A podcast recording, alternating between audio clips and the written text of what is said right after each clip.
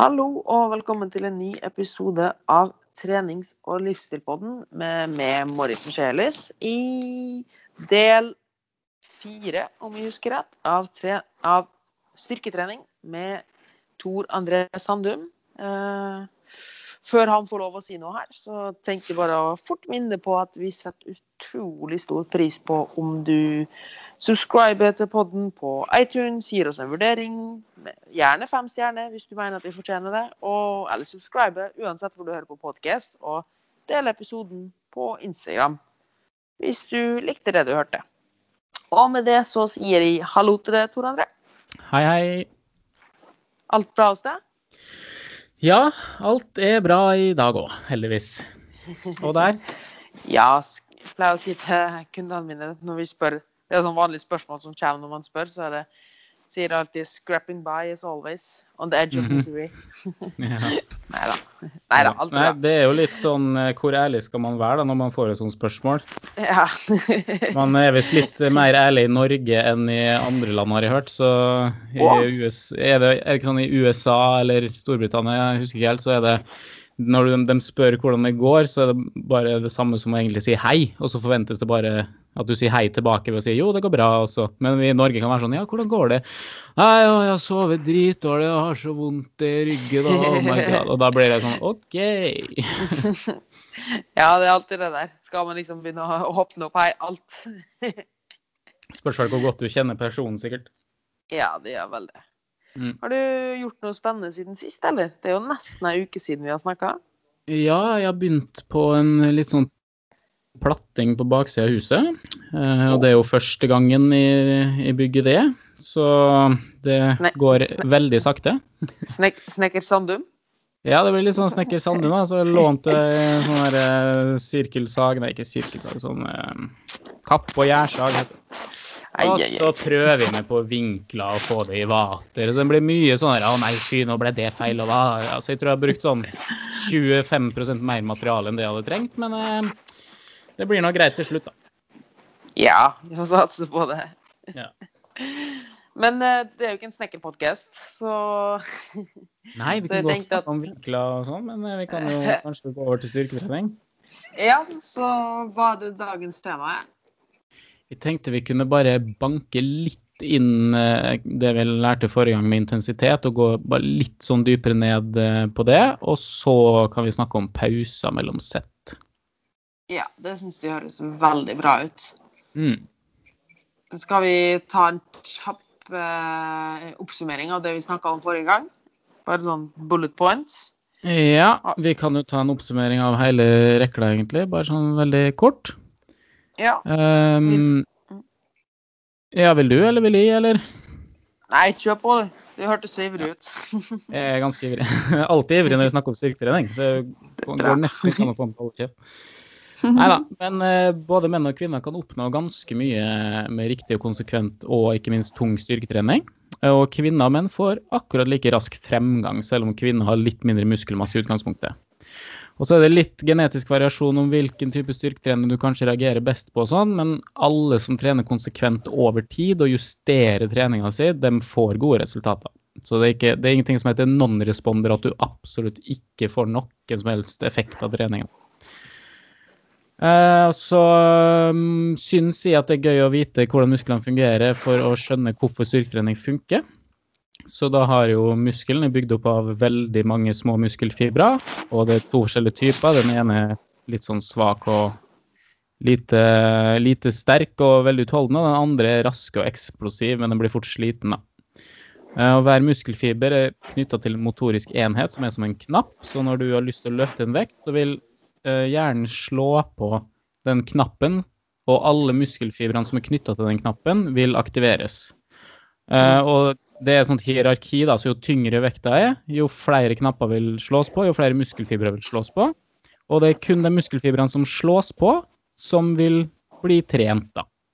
Eh, og over halvparten av muskelfibrene dine er knytta til de siste 10% aktiverte motoriske enheter, så du må, du må på en måte opp i de siste 10% av de knappene for å få tak i størsteparten av muskulaturen din, og for å få effekt av trening.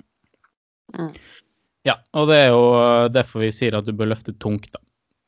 Og så har vi snakka veldig mye om, eh, om hvorfor musklene vokser, og vi har kommet frem til at det er sannsynligvis eh, mekanisk drag som er den største driveren. Og det vil si at du må løfte med full innsats, og så må det være så tungt at løftehastigheten er lav. Og det kan du oppnå enten ved å løfte en tung vekt, eh, og da vil løftehastigheten være lav fra første repetisjon, eller du kan løfte en litt lettere vekt, men nærme utmattelse. Og da vil eh, etter hvert som det blir tyngre, så vil vekta gå saktere opp, og da vil du også ha langsom løftehastighet og full innsats. Så du må ikke trene tre ganger fem, ikke sant? du kan trene tre ganger tolv, eller Du får like god Mm. effekt av det. Mm. Og så har vi jo treningsvolumet, da, som vi har vært eh, mye inne på. Eh, og da har vi definert treningsvolum som antall stimulerende repetisjoner per økt og per uke. Og vi fant ut at i et sett til total utmattelse, altså task failure, at du ikke klarer å løfte med god teknikk lenger, så er det ca. fem stimulerende reps. Så hvis du holder igjen én, slik som vi anbefaler, så får du fire. Og hvis du da løfter tre til seks sett per økt, per muskelgruppe, så er det nok. Og hvis du gjør det tre til fire ganger i uka, så er det mer enn nok. Mm. Så Det var veldig, veldig ja. Så bare for å ta de to siste tinga igjen. Eh, Mens da lysbryterne og musklene, så kan man egentlig tenke litt på det at eh, du må også Altså, det er veldig lettvint å skru på bryterne i hjemmet ditt, f.eks. Altså sånn at du har lys i hjemmet. Eh, men samtidig, hvis du da vil aktivere de store musklene, da, så er det liksom å skru på Du trykker fortsatt bare på én bryter for å skru på hele Altså alle lysene i en, i en fotballstadion. Eh, men det, altså, det krever mye mer energi, da, sånn sett. Men det er jo fortsatt bare én lysbryter på en måte som styrer hele greia.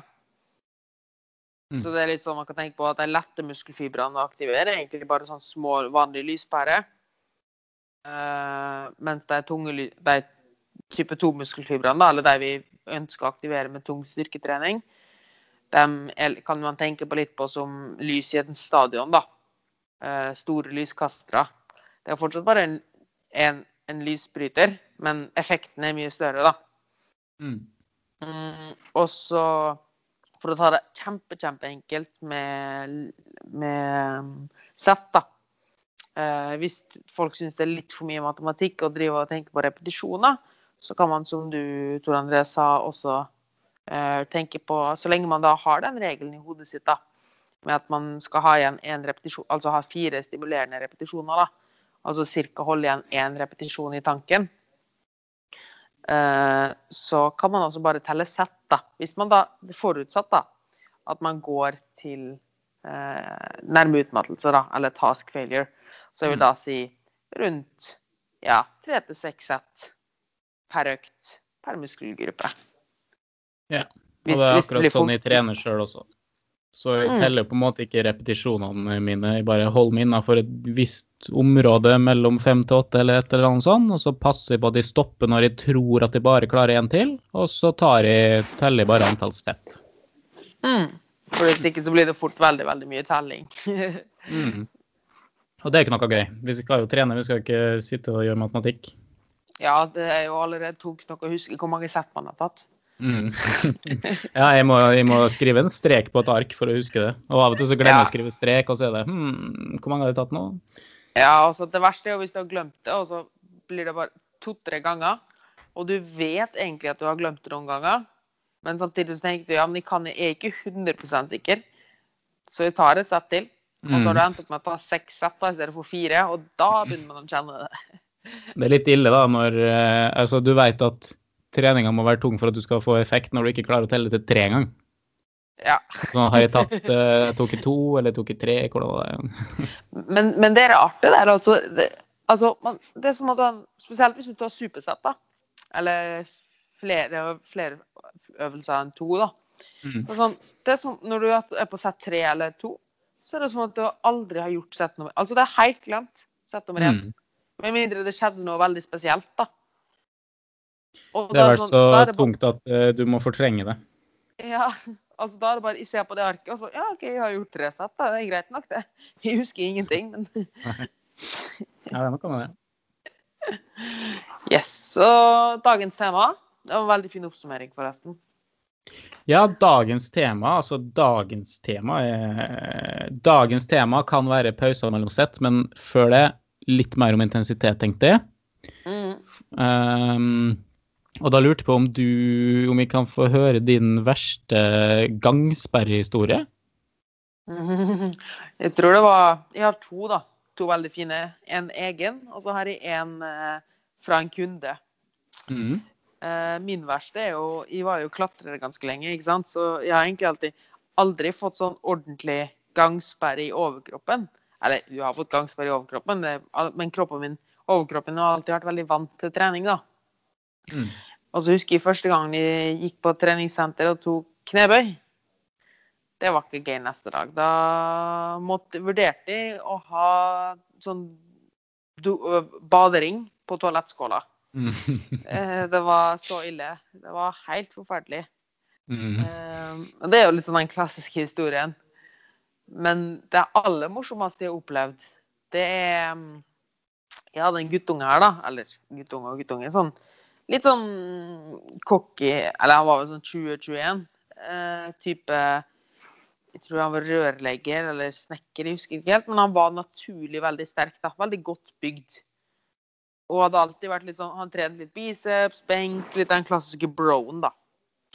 Og mente liksom Ja, trenger jo ikke noe beintrening eller noe sånt. Det er jo bare stusslige greier og sånn, da. Og så tok jeg gjennom fem sett med utfall og benspark. Altså leg extensions. Mm. Um, og han bodde ca. to kilometer unna treningssenteret her, da. Og så siste 500 meterne så er det en bakke da, som kanskje er 100 meter stigning, da. Ganske jevn stigning.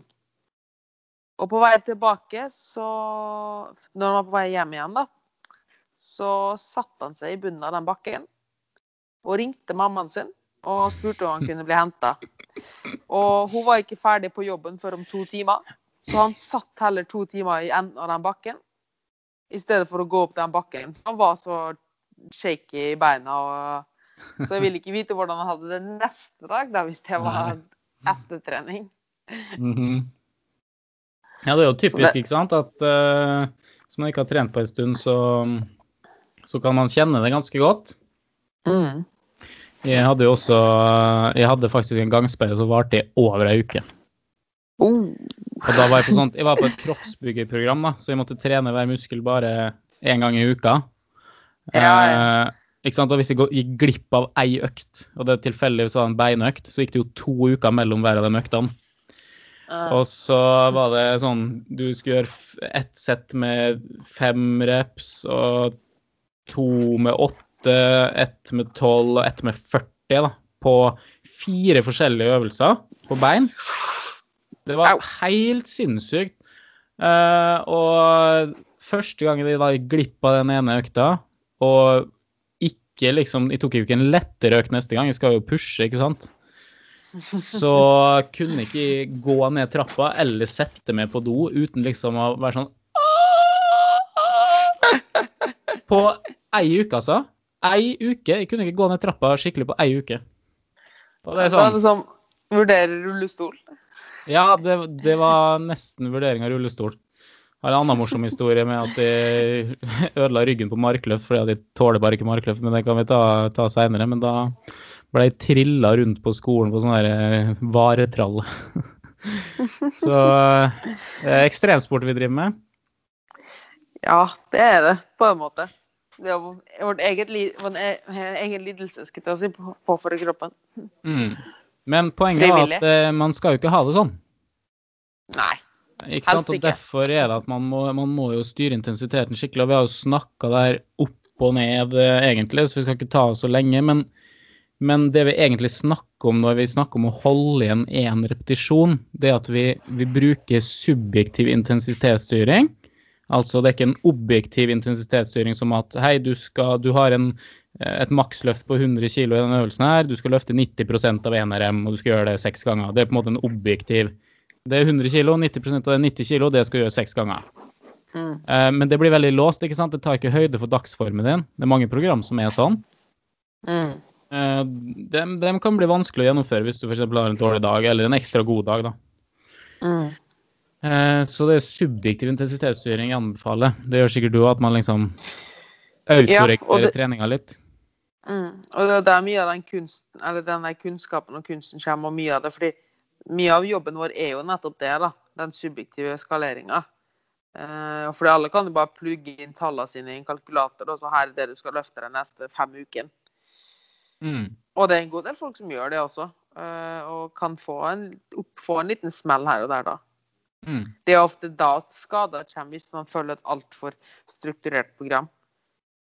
Uten å ta hensyn. Og jeg har prøvd det meste, ikke sant, og det er ingenting jeg liker bedre enn det jeg kaller RFU, da. Det er jo RIR på engelsk, Reps in Reserve. Jeg oversatte bare til repetisjoner fra utmattelse, RFU. Og da kan du skrive i programmet ditt at uh, du skal trene én RFU på alle øvelser, holde igjen én. Eller du kan, uh, hvis du har lyst til å være litt lenger og gjøre litt forskjellige øvelser, så kan du holde igjen to. Og da trener du to RFU. Det er en veldig fin måte å intensitetsstyre Mm.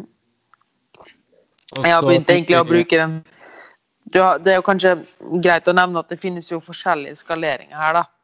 Du har Ja. jo den mest kjente, eller den gamleste, som er RPE, altså Rate of, rate of Perceived Exertion.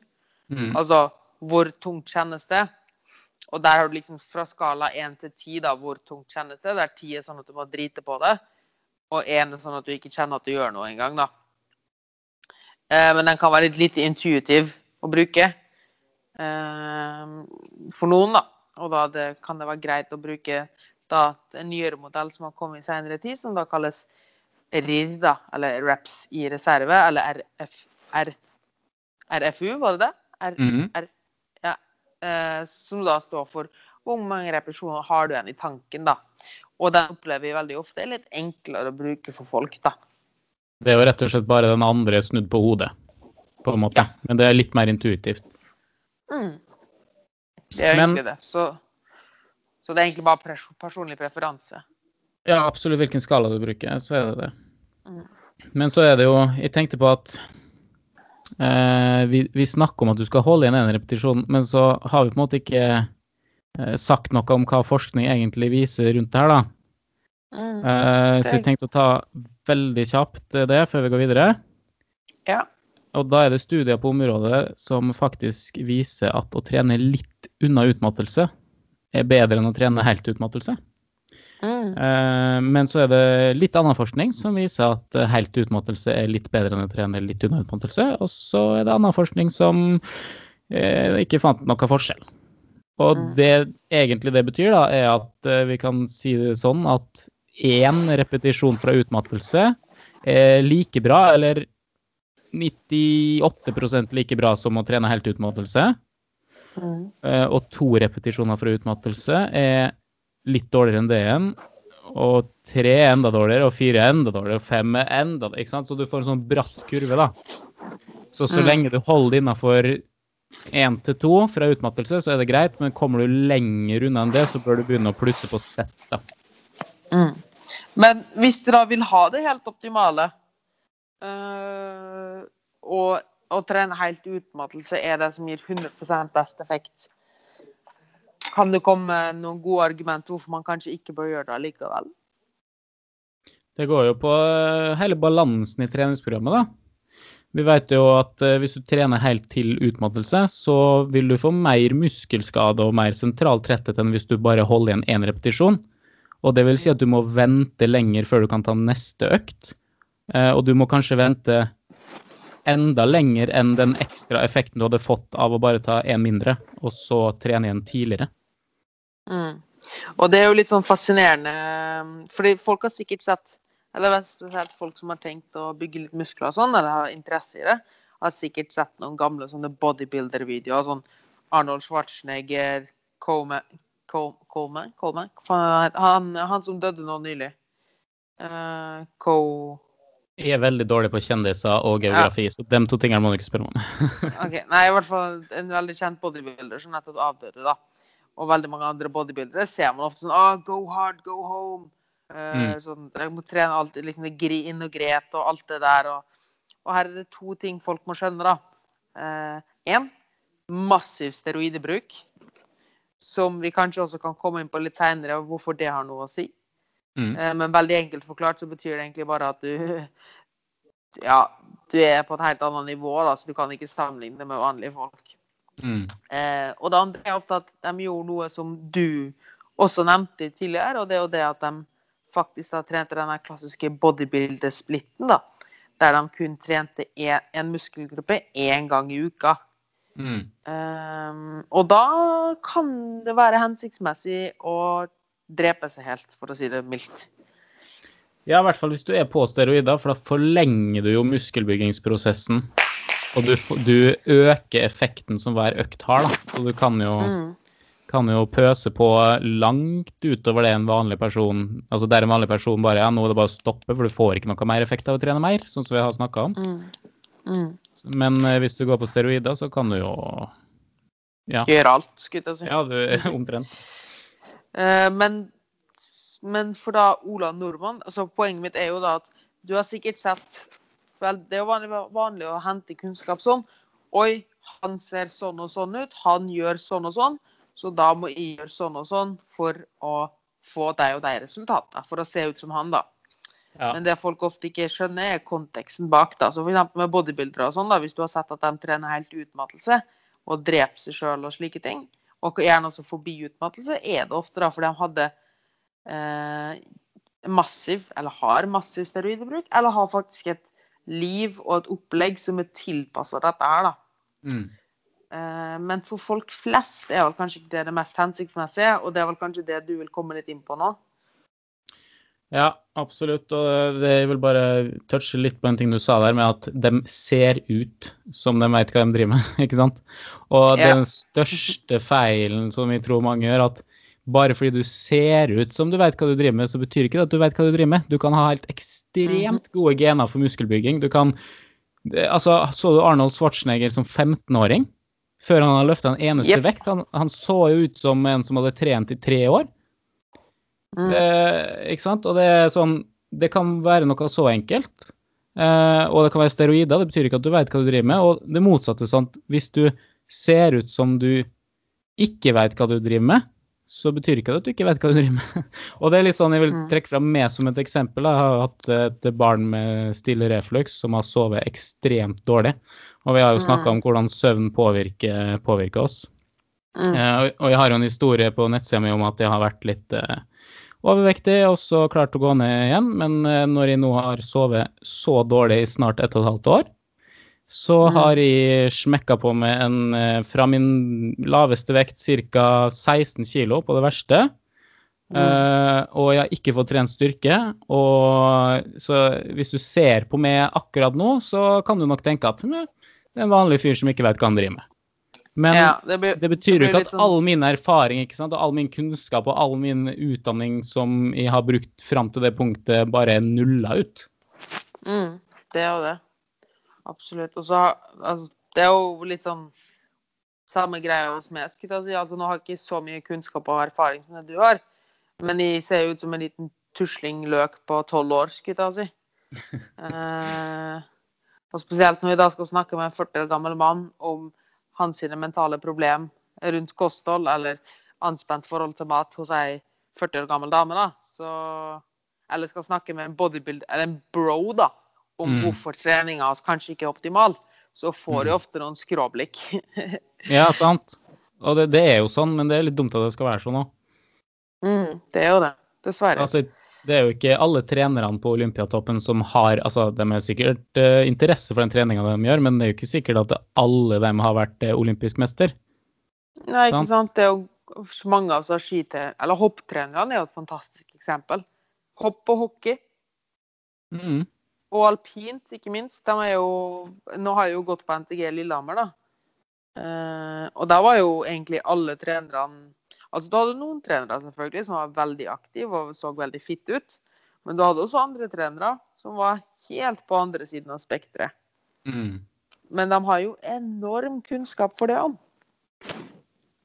Ja, absolutt. Mm. Så det, men det var en tangent, da. Ja. som alltid. Ja, men det er lov. Ja. Eh, men vi har snakka om treningsvolum, vi har snakka om treningsintensitet, og så har vi snakka litt om eh, det å balansere det. Sånn at uh, uh, man må liksom bare regne på at man skal ligge rundt 15-25 stimulerende reps, og så kan du tenke deg da, OK, hvor hardt har jeg lyst til å trene? For det er ikke alle som har lyst til å trene så hardt. Noen vil ligge to unna istedenfor én, ikke sant? Mm. Og så regner du bare ut fra det. Så hvis du ligger to unna, så har du tre stimulerende reps. Og da må du kanskje ta fire sett, eller fem. Mm. Så egentlig ikke så mye verre enn det. Jeg tror ikke det var så mye mer jeg ville si om intensitet da. Nei, det var vel kanskje bare det at um, Det som kan være greit å nevne, er at desto nærmere du går utmattelse, desto tyngre blir det å trene. Men du Mm. får mindre igjen for det, da. Så Mm. hvis du f.eks. er en person som har en veldig stressa hverdag, da, og har veldig mye du skal ha gjort, så er det kanskje bedre å ta et sett mer eh, å holde seg litt lenger unna utmattelse enn å drepe seg helt. Fordi Mm. du får ikke igjen så særlig mye mer for den ene for den, Vi snakka litt om det Pareto-prinsippet, da, at du får du må, at du får 80% av resultatene med 20 innsats. Eh, og for å få de siste 20 med eh, resultat, så må du gi 80 mer innsats, da. Så du må gi sinnssykt mye mer for å få tilbake det siste, da. Og hvis du da har en veldig stressa hverdag, og sånn, så er det kanskje ikke vits å få 100% hvis det betyr at du må gi 80% mer. da. Mm. Og Derfor er det kanskje nettopp at vi, spesielt for folk flest, ikke anbefaler å gå til utmattelse. da. Rett og slett fordi det krever så sinnssykt mye mer. Og så er det jo lite aber der, da, at du skal jo da vite hvor utmattelse er. Så du kan ikke bare liksom gjette og bare ja, ja, nå er det sikkert to igjen. For da kan det hende mm. er seks igjen. Det snakka jo litt om også, at du må, du må kanskje ta med en treningspartner eller noe, og så prøve en gang eller to, bare for å kjenne hvordan det faktisk føles, og ikke klare å få ut den siste repetisjonen. Og virkelig gi alt. Og sånn kjennes det. Ja, OK, hvordan er to da? ikke sant? Mm. Og en liten anbefaling er jo, hvis folk vil teste dette her, da, fordi en liten praktisk anbefaling er å først gjøre det på litt mer trygge øvelser. En veldig fin øvelse å gjøre det på, som vi pleier å gjøre det på mange av kundene mine på, er f.eks. leg extension, da, eller benspark. Mm. den fordi du sitter såpass fastlåst, og du har kun én oppgave, og det er å få beina dine opp. Mm. Eh, og neste ting kan være eksempel en triceps pushdown eller en biceps curl. da. Og når Mm. man begynner å bli litt trygg på deg, da, når man vet hvordan det kjennes, kan man gå litt videre og teste iblant da, på andre øvelser. Ja, masse, masse fine maskiner, all sånn type eh, roøvelser og sånn. Der det liksom Mm. bare er å, er å slippe opp når du ikke klarer mer. Det er jo veldig også fine øvelser å øve på. Mm, så det vil jeg anbefale hvis du ikke har gjort det så mye før, du som lytter, er at første gang du vil liksom teste hvordan det kjennes ut å gå til failure, og gjør det i apparat og maskiner. Mm. Eh, en, en, en grunn til det er jo sikkerhetsaspektet av det. At du, at du ikke, at du ikke har løse deler som flyger rundt. jeg si. En annen ting er jo at ofte så har maskinene tvinger deg til å holde en god teknikk. Mm. Så sted, da merker du faktisk når det er task failure. Fordi hvis du f.eks. skal trene til failure på en eh, brystpress med manualer, da, en skråbenk, så vil du mest sannsynligvis bare gjøre bevegelsen kortere og kortere og kortere, og kanskje begynne å svaie ekstra mye med ryggen og slike ting, da. Eh, I stedet for faktisk fortsette bevegelsen med fullt bevegelsesutslag, da. Så med frivekt og slik, og manualer og vektstenger og slik, det er det mye lettere å jukse, da. Samme i kabelmaskin også. Mm. Så det er en veldig fin måte å starte og teste dette på, er jo da å bruke maskiner. Fordi det er noe kanskje veldig mange tenker over, og det er jo da Det er kanskje noe igjen da vi kan tenke, ta litt fort opp igjen. Eh, og jeg tror det er veldig viktig at folk skjønner dette her, fordi eh, spesielt nå, da, hvis du skulle begynt å trene igjen nå eh, på treningssenter. Mm. Nå vet jeg ikke om du gjør det. Eh, om du har fått Ikke tid til nå, det, nei. men la, Jeg har ikke, Nei. ikke fått det til å gå opp. Men, men hvis du hadde starta, da, eh, og du hadde holdt igjen én repetisjon i tanken på det du trener Mm. For en på utstående hadde det sett ut som at du kanskje ikke tar i det hele tatt. Mm. Men det er fordi du har den dis- disiplinen til at du skal holde riktig form, og at du Mm. trener til task failure. Yep. Fordi det er én ting jeg ser sinnssykt mye av, er at folk bare fortsetter å tute og kjøre på med hinsides av rare teknikker og sånn. Men, Mm. og, det er ofte sånn, og det er en skikkelig kunst, og der er det virkelig det er bare, det er, eh, Vi snakka om bodybuildere tidligere, og det, det er faktisk en kunst hos dem. Den, fordi det krever mye disiplin å holde en posisjon og kun jobbe med ønska muskulatur. Eh, og så stoppe og liksom presse seg helt utmattelse i de musklene. For det er så fort gjort å bare gjøre en liten justering, sånn at du klarer en til mye lettere. da. Mm. Og, det, og ofte da, så kan det da se ut, da, for som sagt, hvis du hadde begynt å trene nå, som kanskje ikke er så definert, og kanskje ser litt sånn, eh, ikke ser ut som du har trent så mye, da, så vil da en, en for utenstående bare si åh, herregud, han tar jo ikke i det hele tatt. Ja, ja, i hvert fall første uka nå, fordi da har jeg lagt med to repetisjoner under utmattelse. For hvis jeg hadde gått på treningssenteret nå og tatt én rep under utmattelse, så hadde jeg ikke klart økt nummer to. Fordi da hadde jeg hatt så mye treningsverk. For jeg kjenner Altså når jeg ikke har trent på en stund, og så går rett inn, så må jeg være mye lenger unna utmattelse. Så jeg tar alltid en sånn sakte, sakte, men sikkert økning i intensitet da, på starten av et treningsprogram når jeg ikke har trent på en stund. Mm. Det er veldig fornuftig. Konge. Så jeg tror nok veldig mange fikk en liten praktisk takeaway her. og det er gjerne bare å søke opp diverse bodybuildere som bare ser dem trene. Eh, For det er de veldig, veldig flinke på. Ja, du har jo han derre Hva heter han? Ed Cohen eller noe? Ja, Hva, er det han du snakka om? det kan stemme det hvis han har mørkhuda. Uh, nei. Ok, det er han ikke. Nei, ok, bra, for jeg ville ikke at han skulle være død. Men jeg tror han har jo Det er også en side note, da, men han har vel operert eh, Bytta ut begge hoftene sine. Mm. Og eh, tar fortsatt markløft med 250 kilo. liksom. Men, eh, men det var ikke det, da. Men uh, han har jo verdensrekorden i strict curl, eller hva det heter. ja. Uh, skal vi se Det må jeg bare søke opp. Strict curl. Jeg må vite hvor mye det var, for det er helt sykt. Jo, 113 kilo. Oi, satan. Det er En annen enn som har fått verdensrekord nå. Men Ah. eh, 113 kilo, da står de altså inntil en vegg, og albuene skal være låst inntil den veggen. Og så Mm. skal de løfte. 113 kilo, altså, hallo. Det er galskap. Ser du i det, som det står med to 14 kilos manualer, og på rett nummer seks må jeg nesten begynne å kaste litt med hofta. Ja, sant. Ja, men det, sant, det sier jo litt at de, de Selv om de løfter sjukt mye, så bruker de sannsynligvis de musklene de har lyst til å bruke, fordi de er såpass dedikerte, som du sa. Mm. Og det er jo det som er Det krever mye mer viljestyrke og dedikasjon og, og konsentrasjon, ikke minst.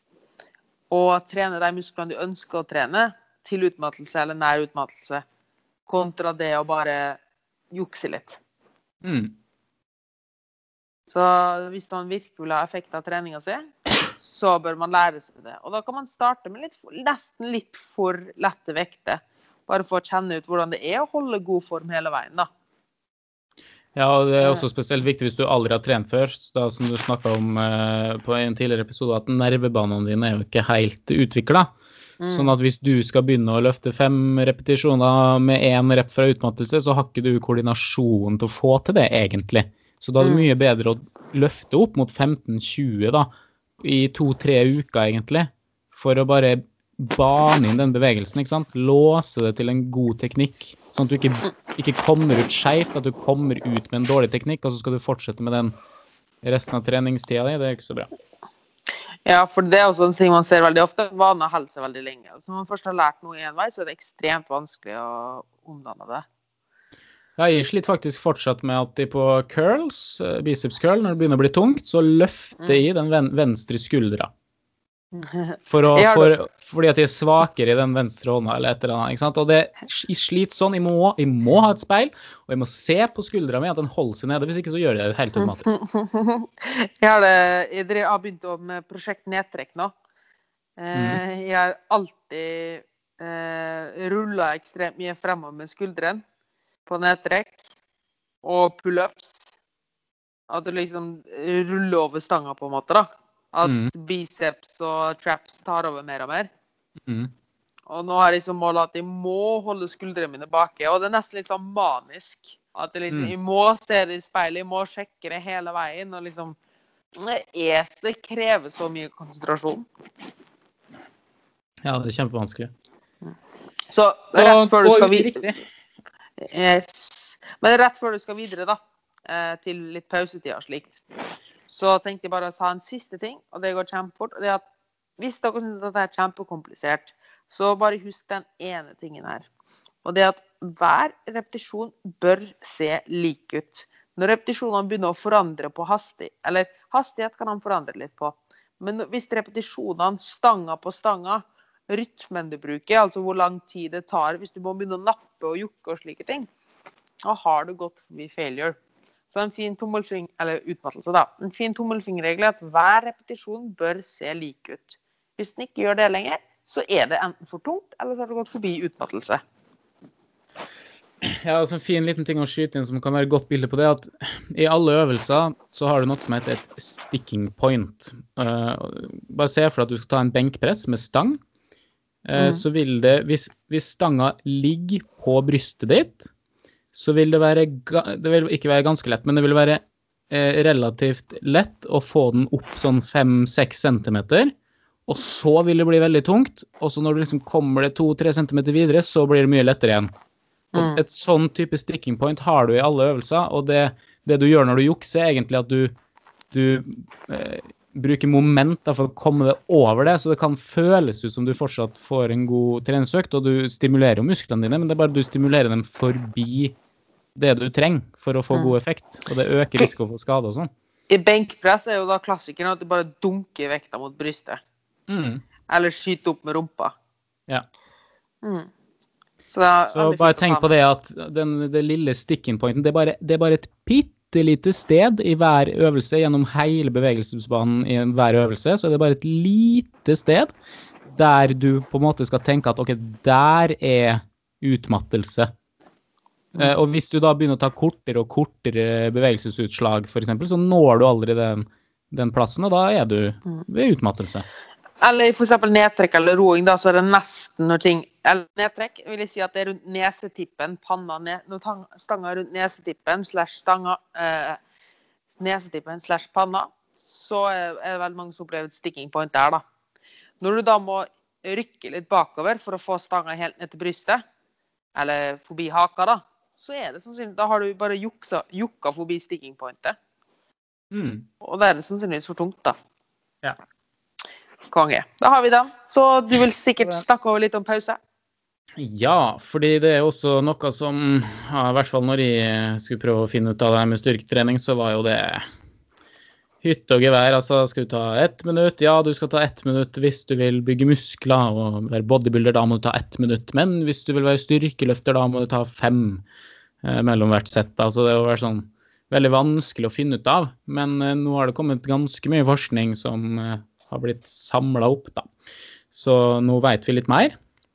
Og det syns jeg er interessant. Eh, og det er jo Jeg er jo av den oppfatning at man bør på en måte kontrollere variablene på treningsøkta si, og pausene er jo også en variabel man bør kontrollere, men eh, jeg syns det blir litt kjedelig å trene da, hvis det er for stramt. Så hvis det er sånn at jeg må ha en stoppeklokke, og så må jeg begynne å løfte akkurat når det har gått f.eks. tre minutter, så blir det sånn mm, Det blir for stress for meg. Så selv om Mm. det, det som vi snakka om tidligere, da, selv om det er mer optimalt, så er det mer optimalt for meg å vente i hvert fall så så lenge, og så føle etter ok, er jeg klar for å ta et nytt sett nå? Ja, da gjør jeg det. Og så trener jeg omtrent alltid supersett, ikke sant? så jeg tar motsatte muskelgrupper. Jeg tar ett sett benkpress, og så tar jeg ett sett roing.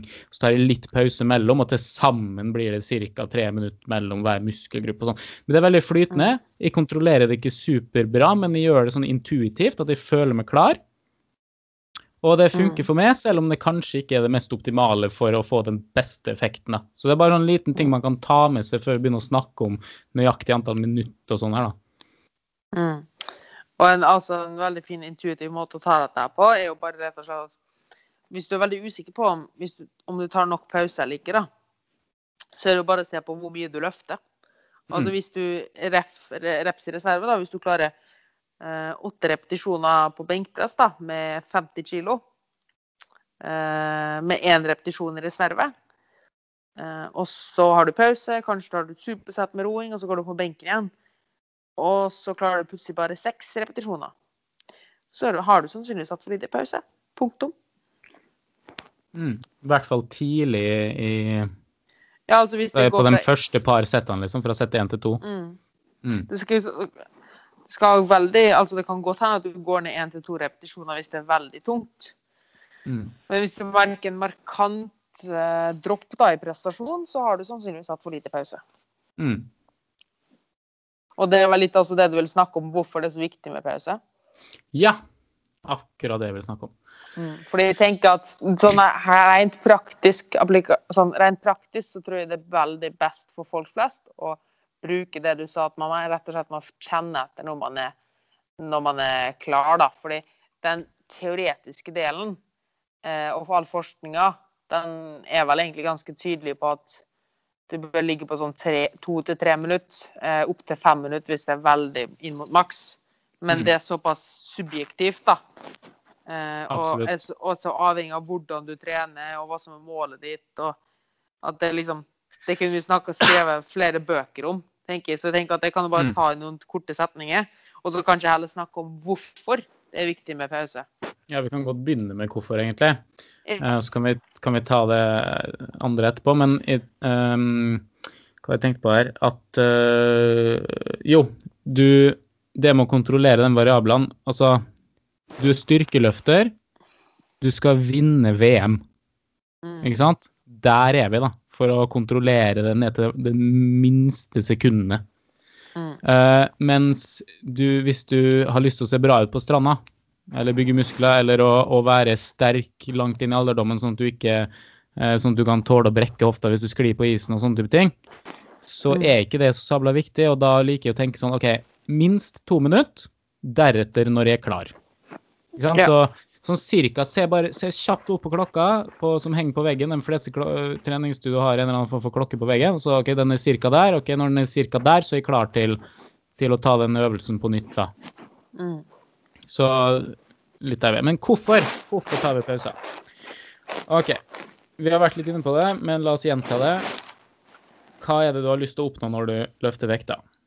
Det er Sånn på mikroskopisk nivå i muskulaturen. Mm. Det er jo Løfte mest mulig, skulle jeg si. ja, høyt mekanisk drag, hvis vi går bare helt inn. Høyt mekanisk drag i muskulaturen. Sant? Mm. Og vi ønsker høyt mekanisk drag i de muskelfibrene som vokser mye etter trening. Mm. De som er vanskelig å få tak i. Det er det. Mm.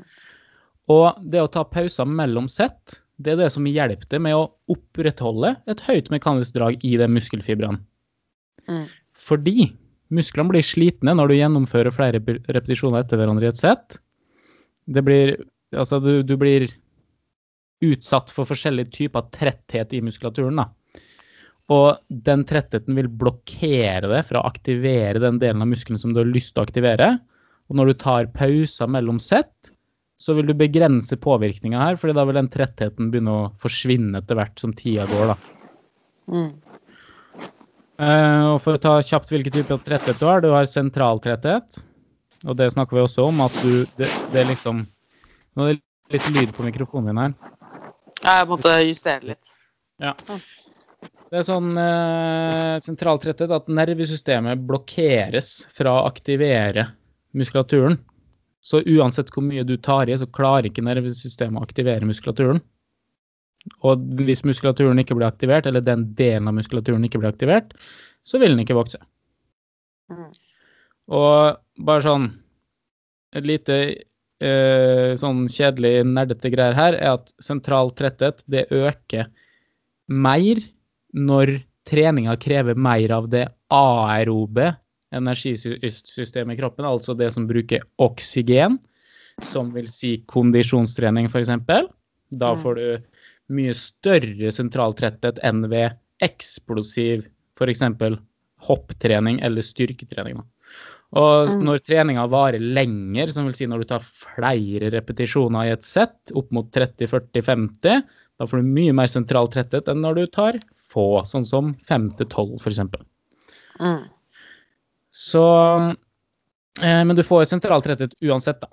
Eh, og det å da ha lange nok pauser til at den sentrale trettheten etter det settet du gjorde, altså lange nok pauser til at nervesystemet ikke lenger er blokkert fra å aktivere Mm. muskulaturen, det er viktig. Det, mm, det man enkelt og greit kan tenke på da for å skjønne dette, er at hver gang du skal aktivere musklene dine maksimalt, altså komme tak i de muskeltype 2-fibrene, så ringer det en brannalarm hos brannvesenet, og brannvesenet må rykke ut.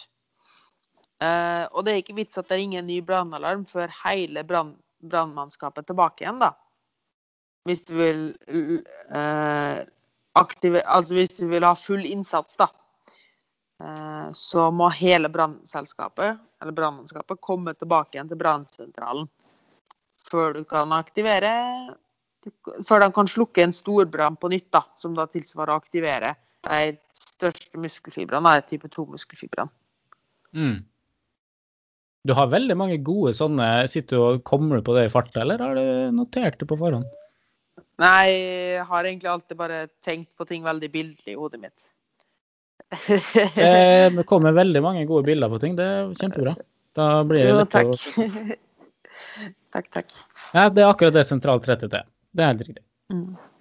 Og så har du noe som heter perifer tretthet. Det går litt Har du hørt 'ute i periferien', liksom langt der ute? Mm. Eh, Så ikke sant, perifer tretthet handler om det som oppstår et sted ut fra senter av kroppen. Da. Så når sentral tretthet oppstår sentralt, altså i nervesystemet, så vil perifer tretthet oppstå lenger ute, dvs. Si i musklene. da. Så da er det ikke Mm. nervesystemet som ikke lenger kan aktivere muskelen, men det er muskelens egen evne til å produsere kraft.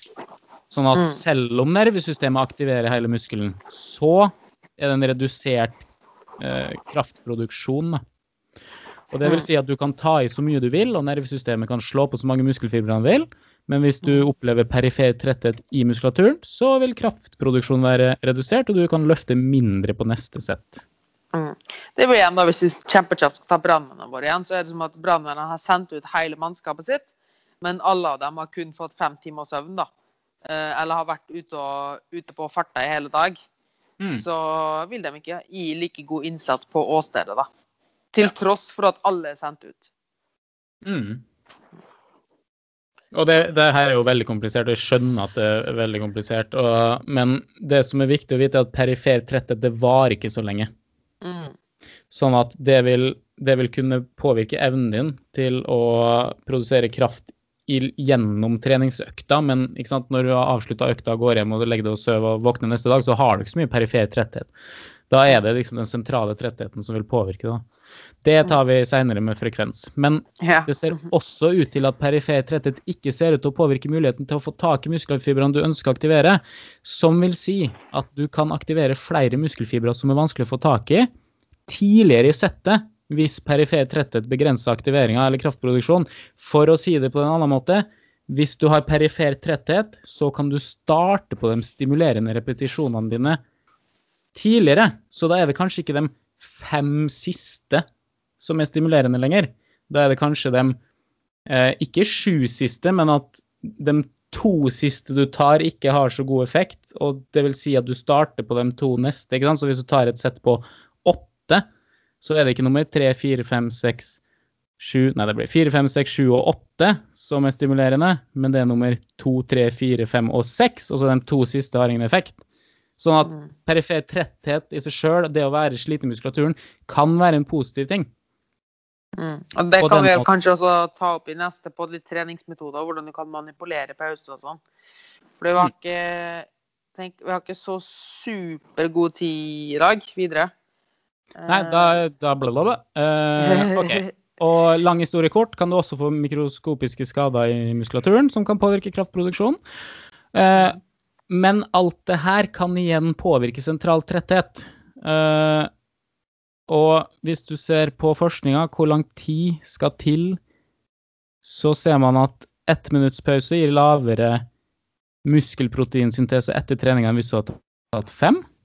Mm. Uh, og hvis du ser på direkte muskelvekst, så gir ett minutt pause dårligere resultater enn tre. Mm. Og Så- det, handler vel, ja. det handler vel egentlig bare rett og slett om at du ikke får kontakt med, med de, typ- de vanskelige muskelfibrene, da. Ja, Altså basically, hvis du skal forenkle det kjempe, kjempemye, så betyr det det at for korte pauser, da får du ikke tak i den delen av muskelen du vil trene på neste sett. Mm. Til tross for at det går til utmattelse. Til tross for at du tar i alt du har. Mm. Mm. Så ja, så det ser ut til at du må opp i rundt tre minutter mellom sett på samme muskel for å få best effekt av styrketreninga. Og da kan du sitte og stirre i veggen i tre minutter, eller du kan være på et treningssenter som ikke har så mye folk, og du kan ta supersett med ett minutt pause mellom sett, f.eks. Mm. Eller ett For og et det halvt. tenkte, det tenkte jeg kanskje var den viktigste praktik praktiske applikasjonen som folk kan ta med seg i dag. Mm. Er nettopp det der at for guds skyld, vi har alle begrensa tid. Så når folk leser om at ja, du bør ha to til tre minutter pause, eh, og så sitter de der og venter, så tenker jeg Mm. sånn Hva er det du driver med? Altså, én ting er tidsbruken, og en annen ting er også hvor Altså, en positiv ting med dette her er også at en litt høyere puls øker også Eller du vil ha en litt høyere forbrenning, da. Forbrenne litt mer, bruke litt mer energi i tillegg, da, som er en positiv bieffekt av det hele. Hvis du ikke bare sitter og venter, men gjør andre ting i pausen. Fordi det er for veldig mange folk misforstår, tror jeg, at de, når de hører to til tre minutter pause OK, da må jeg sitte og roe meg ned og slappe av i hele kroppen. Men Mm, det er jo kun sant. den lokale muskulaturen som Ja. må ha den pausen. Det er helt riktig, og det er et viktig poeng.